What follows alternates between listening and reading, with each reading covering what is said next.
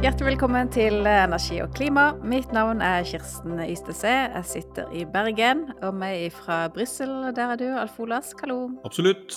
God formiddag. God formiddag. Du, nå er det en stund siden vi har fått en oppdatering fra deg på podden om EUs eh, e energi- og klimapolitikk, så jeg har eh, flere saker vi må innom. Blant annet vi må snakke litt om bil. Vi må snakke litt om EUs eh, e forhold til USA. Vi må snakke litt om hva de gjør på batterier, blant annet. Så vet du hvor vi skal begynne hen? Jeg tror vi skal begynne med bilen. Det er jo noe som alle har et uh, forhold til. Ja. Og det er, altså, I dag er det tirsdag 7. mars.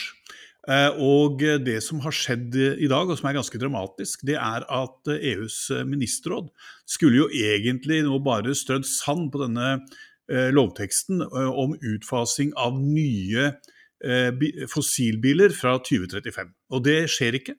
Saken er utsatt fordi at Tyskland har lagt seg på tvers eh, og fått følge av noen andre EU-land, bl.a. også Ungarn og Polen, slik at de har et blokkerende mindretall.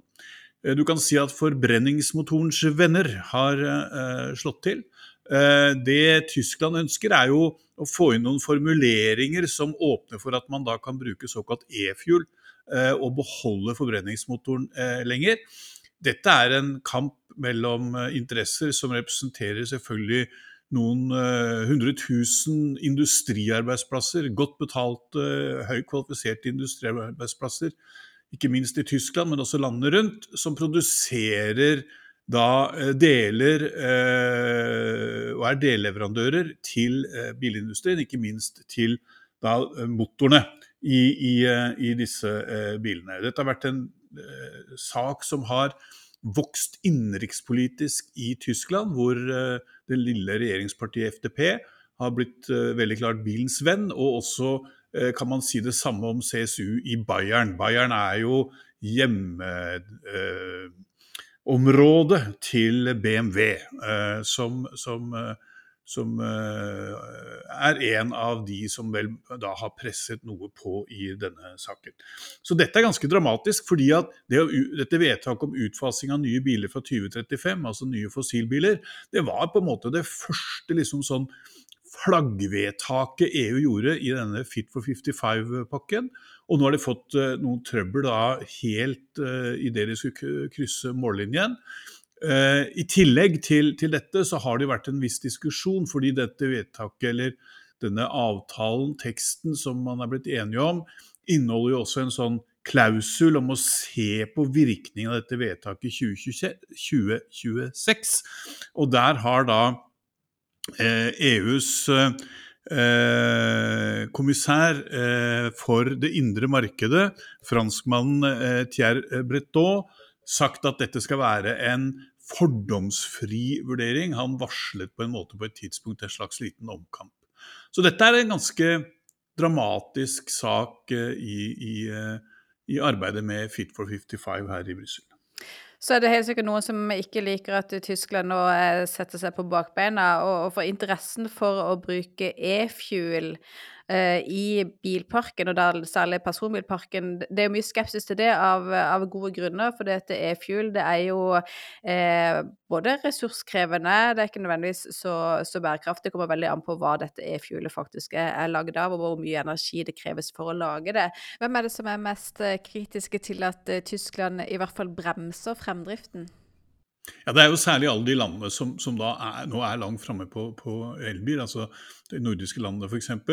Men det er, dette går også inn i kommisjonen. Frans Timmermans, eh, kommisjonens visepresident og den som er sjef for det grønne skiftet, sa i en uh, høring i Europaparlamentet nylig at e-fuel burde forbeholdes sektorer som f.eks. luftfarten, og pekte jo på at uh, nettopp at det er veldig energikrevende å produsere dette, og at det da ikke bør brukes på uh, veitransporten. Og så er det også slik at det er veldig mange som nå ser at ja, dette var tøffe krav. Ja, det kommer til å bety en brutal omstilling for bilindustrien. Men dersom du åpner for det som tyskerne nå vil, så er det veldig mange som tror at det da blir et smutthull her som gjør at det blir vanskeligere å avvikle de eh, forurensende bilene. Og Når man da ser at utslippene i transportsektoren øker, det gjelder både tungtransporten og personbiltransporten, så, så er det klart at, at man må gjøre noe skal man nå disse målene. Hva betyr det da at dette nå ikke ble vedtatt i dag? Er det en trenering, eller kommer det en endring av eh, forslaget? Så hva skjer? Ja, Det er det, er det alle nå egentlig lurer på. er liksom Klarer man nå å baute seg til å få dette til? Hvis man skal gjøre noen tillegg eller endringer i dette forslaget som ligger der nå, da må man altså tilbake og forhandle med Europaparlamentet, som jo har vedtatt den teksten som parlamentet og ministerrådet, altså medlemslandene, ble enige om. Så er, river man opp dette, så er du egentlig litt tilbake til start. Uh, og det er det jo veldig få uh, av de som har investert i dette, som virkelig ønsker. Så presset på Tyskland, Italia, Polen og Ungarn, som vel utgjør det blokkerende mindretallet her, det er, uh, det er betydelig akkurat nå. Mm.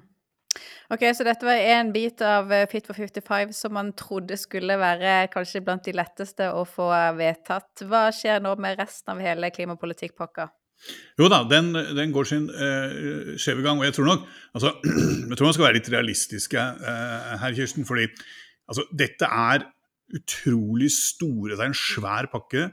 Hvert eneste direktiv betyr ganske betydelige endringer, så at man får noen tilbakeslag i forbindelse med gjennomføringen og sluttbehandlingen, at det kan dukke opp ting eh, her, det, det, det, er, det, er, ganske naturlig, tror jeg. Altså, fordi, eh, fordi dette er såpass stort og, og, og, det har gått såpass raskt at uh, det er ikke alle som kanskje har hengt med like, uh, like bra i, i svingene.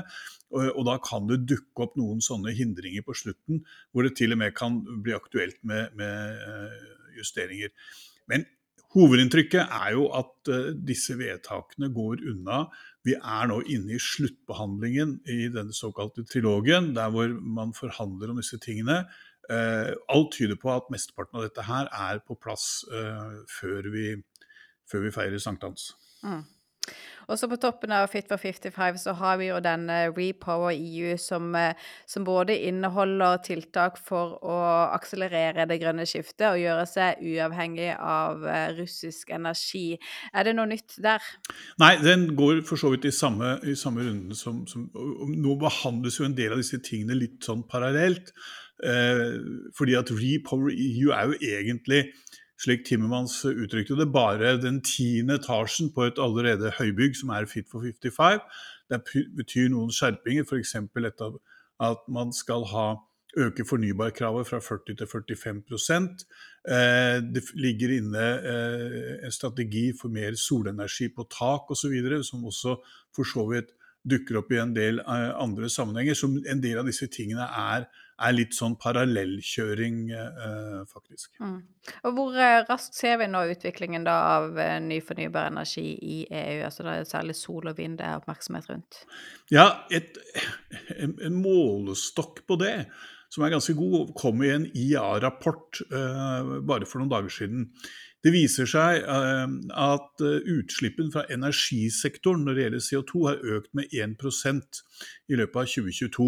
Uh, og Det er jo selvfølgelig ikke bra, men hvis man da tenker på det som skjedde, hvor man da har f.eks. erstattet en ikke ubetydelig del av gasskonsumet med kull, for å komme gjennom dette bortfallet av russisk gass, så sier man da i den rapporten at dette er mye mindre enn det man trodde det skulle bli. Og grunnen til det er nettopp økningen i varmepumper, i mer solenergi og i vindkraft. Sånn at uh, man ser at en del av de uh, negative utslagene som kunne ha dukket opp her, de, de, kommer ikke rett og slett fordi man nå forserer kraftig utbyggingen av, av, fornybar energi. Og det gjelder ikke minst sol, uh, hvor man nå da begynner å sette opp solpaneler på tak på garasjebygg langs eh, jernbaner, motorveier og, og den type, type ting i, i, et mye større tempo. Og hvor man også innenfor disse områdene, sånn, på industriområder og sånn, har forenklet hele konsesjonsprosessen dramatisk. Mm. Vi må også snakke litt om EUs konkurransekraft. For EUs Green Deal begynte jo med ambisiøse mål. Så ble det fylt opp med konkret eh, klimapolitikk. Og så ser vi nå mer og mer fokus på hvordan skal eh, dette skiftet skje i form av grønn vekst og grønn verdiskaping i EU. Og det er da særlig en bekymring for eh, hvordan konkurransen til USA er, når USA satser på grønne arbeidsplasser innenfor f.eks. bilindustri. innenfor batterier, innenfor hydrogen. Og så er det også en bekymring for tilgang til eh, råmaterialer og, og mineraler for eh, det, det grønne skiftet. Hva skjer der? I neste uke så skal jo EU legge fram både denne reformen av elmarkedet, men også mer detaljer i denne grønne industripolitikken. Og noen av de lekre dokumentene når det gjelder det siste, Eh, der formulerer jo EU veldig klare mål om at de skal produsere i EU en god del av disse eh, produktene som skal til for det grønne skiftet, f.eks. når det gjelder solpanel, eh, vindmøller osv. Det, er, det er jo litt sånn symptomatisk, og det bruker Timmermans veldig ofte som eksempel, at EU var liksom, og Europa var gode på å utvikle solpanelene, og de produseres nå i Kina. Eh, og det er klart, eh, Man ønsker ikke en gjentagelse av det. Eh, og Derfor så setter man sånne mål. I tillegg til det så har man også da Du var inne på konsesjoner når det gjelder fornybar kraft i stad. Når det gjelder utbygging av denne type bedrifter, som jo også trenger energi, så skal det da være forenklede konsesjonsregler som gjør at du da skal kunne sette opp f.eks. en vindpark nær en batterifabrikk og få den konsesjonen behandlet i løpet av 9-12 måneder, litt avhengig av hvor stor denne vindparken er.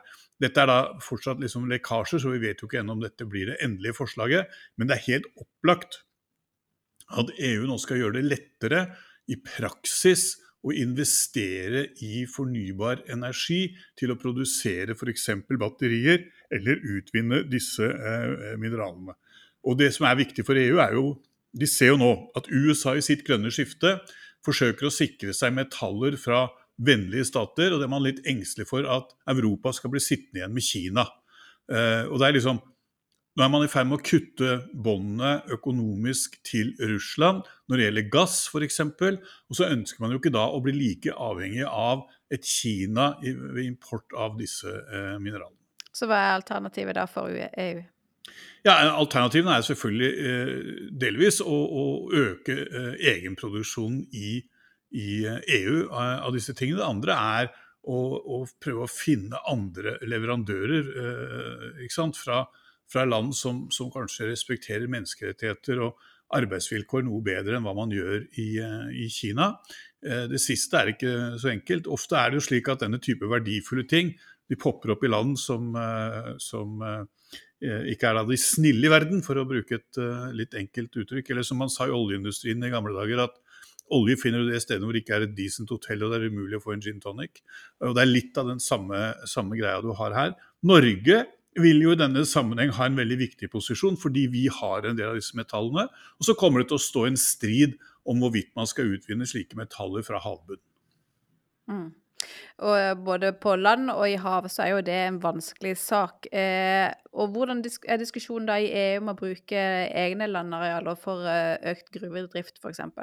Jo, eh, det har liksom ikke vært så, så mye diskusjon ennå av det der. Det har vært noen utspill knytta til eh, bruk av havet. Den franske presidenten eh, Emmanuel Macron utmerker seg jo ofte ved å ha sterke meninger om ting hvor Frankrike ikke har noen interesser. og Derfor er det sånn han har da på en måte pekt på at man ikke bør utvinne havbunnsmineraler. Det kan han gjerne mene, fordi at eh, Frankrike har ikke noe særlig havbunn å utvinne mineraler fra. Og da kan han gjerne være, være høy og mørk eh, eh på det området.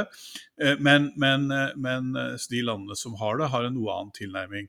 Det er litt spesielt å se at EU f.eks. har laget en arktisk strategi hvor de gjerne vil stanse utvinningen av olje og gass i arktiske strøk. Men de åpner for utvikling av havbunnsmineraler i de samme områdene. Hvilket i seg kanskje ut fra et miljø- og klimasynspunkt ikke er så lett forståelig. Eh, så lenge det ikke skjer en større ulykke, så er det klart at, at det å bore etter olje og gass er et mye mindre inngrep enn å drive og, og, og harve opp havbunnen for, for mineraler. Mm. Og nettopp eh, Norges rolle, som du nevnte, der eh, skrev du nylig en sak på Energi og klima om at eh, EU og Norge oppretta et samarbeidsforum for batterier og metaller. Hva går det ut på? Ja, Dette her er jo en av disse, en av disse berømte avtalene som, som, Norge og EU da driver og, og forhandler om, og som og som har stått stille ganske lenge. Eh, fordi eh, EU og Norge er uenige, ikke minst når det gjelder liksom fremtiden for gassut og oljeutvinning, eller spesielt gassutvinning da, i, i, i Barentshavet, hvor Norge liksom vil ha en slags godkjennelse og en klapp på skuldra fra EU for det, og EU da er noe tilbakeholdende, for å si det forsiktig. Nei, det, det man ser for seg da, er jo at man skal ha dette samarbeidet og så skal man ha på embetsnivå eh, grupper som møtes ganske jevnlig for å diskutere både dette med utvinning eh, og forsyningssikkerhet av metaller, men også når det gjelder batterier. For Norge da er i, er i startgropa til å, å utvikle en, en, mer betydningsfull batteriindustri, som jo også da skal produsere batterier med fornybar energi. Og så skal dette her da forankres i et ministermøte som skal være Eh, på hvert år. Eh, og det vil da være åpent for andre EU-land selvfølgelig å slutte seg til eh, dette samarbeidet. For det skal ikke være et samarbeid bare mellom EU-kommisjonen og Norge, men, men også liksom være åpent for EU-landene. Dette vil da være en av de mer enn 70 avtalene som Norge har med EU, i tillegg til de store avtalene Schengen og, og EØS. Ikke, dette er, bidrar ikke til å gjøre forholdet mellom Norge og EU mer oversiktlig, for å si det forsiktig. Eh, men dette er da det som den nåværende regjeringen har valgt, og som følger opp eh, lignende avtaler som den forrige regjeringen eh, laget. Men betyr det noe for batteriindustrien? altså Blir det mer lønnsomt å selge til EU? Kommer man lettere inn i markedet? altså Har det noen konsekvenser for næringslivet? Nå stiller du veldig vanskelige spørsmål, da. liksom, nei, svaret på det er, er, i utgangspunktet at dette kommer ikke til å få noen praktisk betydning på bakken, med mindre man klarer å, å utnytte dette, uh, dette. fordi at dette er en, dette er en såkalt ikke-juridisk bindende avtale. Dette er sånt som politikere uh, og sånn ofte elsker å lage sånne, eh, sånne, avtaler, og så får de bilde av seg ikke i bladet lenger, men på nettsider og får kanskje 30 sekunder i beste sendetid på TV.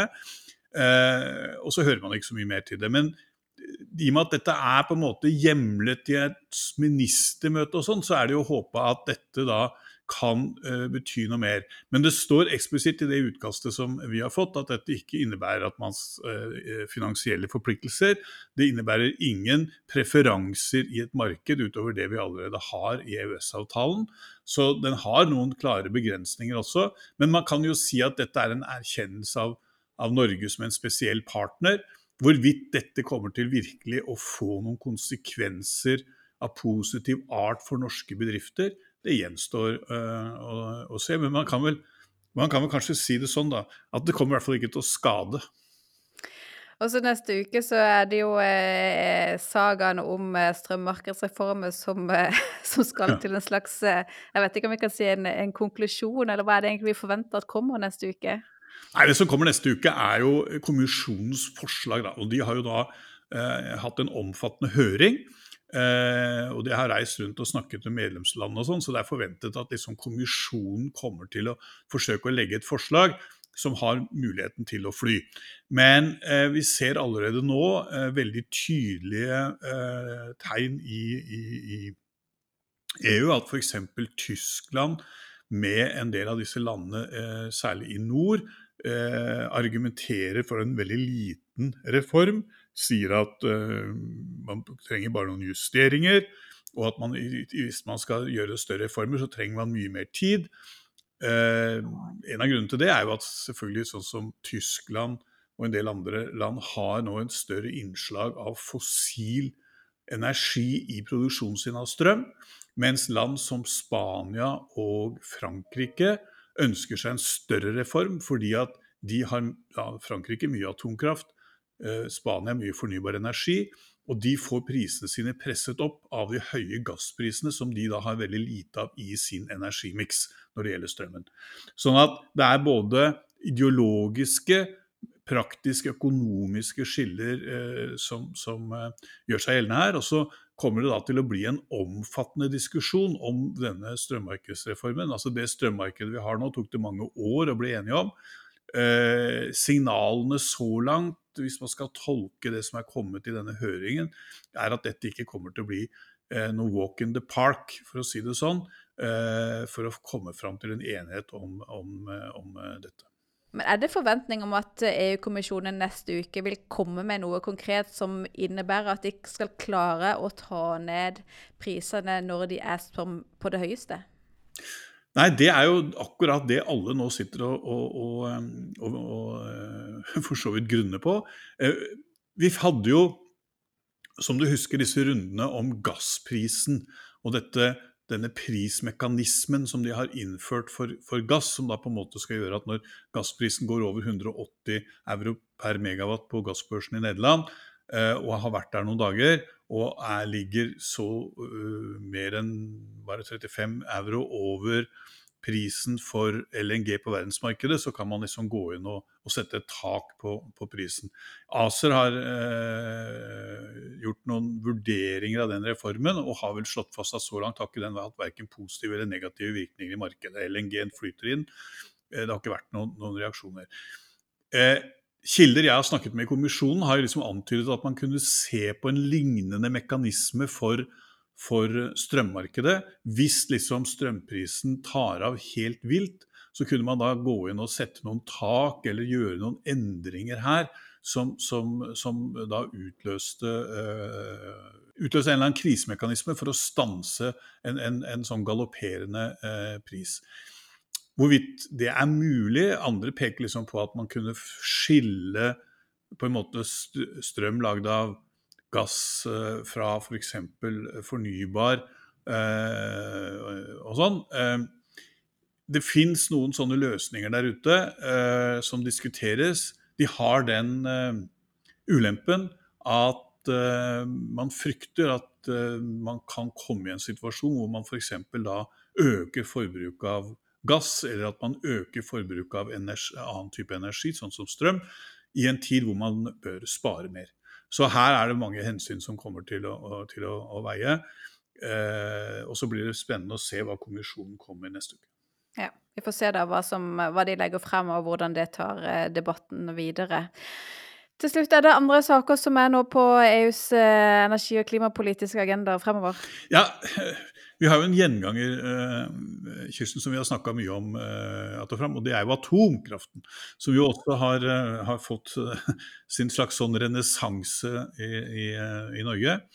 Eh, og Der har det oppstått en ganske interessant situasjon, og det er at nå er atomkraften på en måte en av de sakene som splitter EU både i utenrikspolitikk og energipolitikken. Vi hadde den saken som kom eh, for ikke så lenge siden, hvor man altså nå åpner for å bruke atomkraft til å produsere grønn hydrogen, som var en delseier for Frankrike. Eh, i den forbindelsen. Så skulle EU eh, bare for et par uker siden bli enige om eh, hva de skal mene på det neste FN-toppmøtet om klima. Det klarte de ikke, eh, altså deres eh, energi- og klimadiplomati, som de kaller det. Der klarte de ikke å bli enige, nettopp fordi de krangler om hva skal man egentlig kalle liksom, atomkraften? Skal atomkraften ha Skal de reise rundt i verden og si at atomkraften er viktig for å nå eh, klimaomstillingen, eller ikke? Eh, og så eh, har man da sett på det siste uformelle møtet for energiministeren i Stockholm at et titalls EU-land har liksom nå laget en sånn atomklubb. Eh, for å promotere eh, atomkraften i det grønne skiftet. Det er vel ingen som egentlig tror at vi kommer til å få noen flere atomkraftland i, i EU framover enn det vi har nå. Men eh, man ser vel for seg at atomkraften kommer til å spille en rolle framover. Og det kommer til å koste mye penger, fordi at bare det å opprettholde dagens nivå framover i kraftproduksjonen vil Eh, innebære enorme investeringer i milliarder av euro, fordi vi nå er her i en situasjon hvor veldig mange av dagens atomkraftanlegg eh, når pensjonsalderen framover nå i, i, de eh, nærmeste årene. Så dette er Det ulike synet på atomkraften er en av de sakene som dukker opp. Og så kommer det da en rettssak. Østerrike landet som har hatt en folkeavstemning hvor da atomkraften tapte i sin tid, de, har, de er liksom en av spydspissene mot atomkraft i, i, EU. Og de har da trukket EU-kommisjonen for retten fordi EU-kommisjonen i denne taksonomien, altså hva som skal være bærekraftige investeringer, på visse strenge vilkår har sagt at investering i atomkraft kan anses som bærekraftig. Dette blir en rettssak eh, i løpet av året, trolig, eh, i Europadomstolen. Så spøkelset atomkraften kommer til å hjemsøke oss eh, kraftig framover. Og i denne atomkraftklubben der er vel verken Østerrike eller Tyskland med, men sannsynligvis Frankrike. Og hvem flere er det som eh, er med i eh, heiagjengen til atomkraft? Det er the usual suspect, eh, og det er Frankrike som, som er førende her, sammen med, sammen med sin alliert i atomkraftpolitikken, nemlig Ungarn. Og Sverige har heller ikke meldt seg på ennå. Det tror jeg årsaken til det er bare fordi svenskene har formannskap og da ikke liksom vil være med på sånne grupper før de er ferdig med det. Men det er helt opplagt at den svenske borgerlige regjeringen eh, er en av de tingene de har gjort, er jo at de har endret Sveriges eh, atomkraftpolitikk. De har jo nå sagt at de skal starte planleggingen av å bygge eh, et nytt kjernekraftverk. Eh, det kommer til å ta lang tid. Det kommer til å være langt inn i neste riksdagsperiode før det blir materialisert. Men dette er i hvert fall en helt annen måte å tenke på enn det, enn det man har. Men så har man Det er også andre ting i dette her som er interessant, og det er at EU er også nå opptatt av at man skal være uavhengig av, eh, av import når det gjelder eh, energi. Eh, det å bygge ut atomkraft innebærer at man da må importere brennstoffet I dag er en ganske stor del av dette eh, brennstoffet kommer jo fra Russland. Russland er ikke omfattet ennå av eh, altså russisk kjernefysisk brensel er ikke omfattet ennå av sanksjonene. Og man ser også at de kraftverkene som er under planlegging i EU, vil bli bygd av altså der hvor man da kjøper selve kraftverket fra firmaer utenfor EU. E sånn at eh, også i en sånn selvforsyningsdebatt så kommer nok også kjernekraften eh, til å bli debattert. Okay. Men når det er sagt, så er det ingen tvil om at det er en helt annen positiv politisk vilje i forhold til kjernekraften i mange EU-land i dag enn det man hadde bare for to år siden. Og Hva er den viktigste grunnen til det? Det er bl.a. hele den diskusjonen rundt selvfølgelig dette med taksonomien. Men det har også noe å gjøre med erkjennelsen av at man er nødt til å ha noen stabil kraftproduksjon inn i et marked hvor du har mye fornybar, som jo varierer med sol og vind og osv. Og, eh, og når man da ikke skal bruke gasskraft og ikke skal bruke kullkraft, så, står, så, har man liksom noen få kraftformer igjen. Det er ikke så mye mer nei, vannkraft å hente. Eh, og da er liksom atomkraften viktig. Og for et land som Frankrike f.eks. sier de at uten atomkraft så klarer de ikke det grønne skiftet. Mm. Bortsett fra, eller I tillegg til strømmarkedsreforming som kommer eh, i nytt kapittel neste uke, hva mer skal vi være obs på i, i nærmeste fremtid? Jeg tror altså, eh, Det er klart gjennomføringen av Fit for 55 eh, osv. vil ligge der. Eh, jeg tror strømmarkedsreformen kommer til å bli en kjempestor diskusjon framover. Fordi den griper også inn i dette problemstillingen bruk av subsidier. Altså Det hadde vi f.eks. For i forhold til denne IRA og, og, og USA. Men vi har sett nå hvordan Tyskland f.eks. har åpnet pengepungen og fått fått støtte for det, eh, eller fått go for det fra kommisjonen. Eh, og du ser nå at det blir ulikt støttenivå overfor næringslivet i den energisituasjonen vi har nå. Eh, dette kan neppe fortsette fordi det undergraver det indre marked. Sånn at denne strømmarkedsreformen er en viktig brikke i en større eh, greie mellom disse eh, EU-landene, hvor de fattigste landene presser på for å få et nytt fond, for å kunne få mer penger eh, til eh, å dekke eh, deres eh, omstilling, eh, fordi de sjøl ikke kan bruke eh, så mye statsstøttekroner som det f.eks. Tyskland kan, når det gjelder både dekke for næringslivet og for forbrukerne. Så Strømmarkedsreformen kommer til å være kjernen i en veldig omfattende debatt som jo på mange måter vil gripe inn i en lang rekke forhold i EU, ikke minst det indre markedet. Og Så får du hele denne subsidiekrigen med amerikanerne på toppen, som kommer til å, å, å bli eh, viktigere og viktigere. Ursula von der Leyen eh, er jo nå mer eller mindre på vei til, til USA for å ha samtale med Biden om eh, nettopp denne eh, reformen. Så, så eh, jo da, det skal bli nok å snakke om. ja, fint. Da sier jeg takk for praten for, for denne gang, Alf Olask. Takk skal du ha. Tusen takk til eh, du som lytter på. Vi kommer tilbake med nye podkaster hver uke. Og jeg lover at det ikke skal gå like lang tid før vi er tilbake også med siste nytt fra Brussel. Takk for i dag.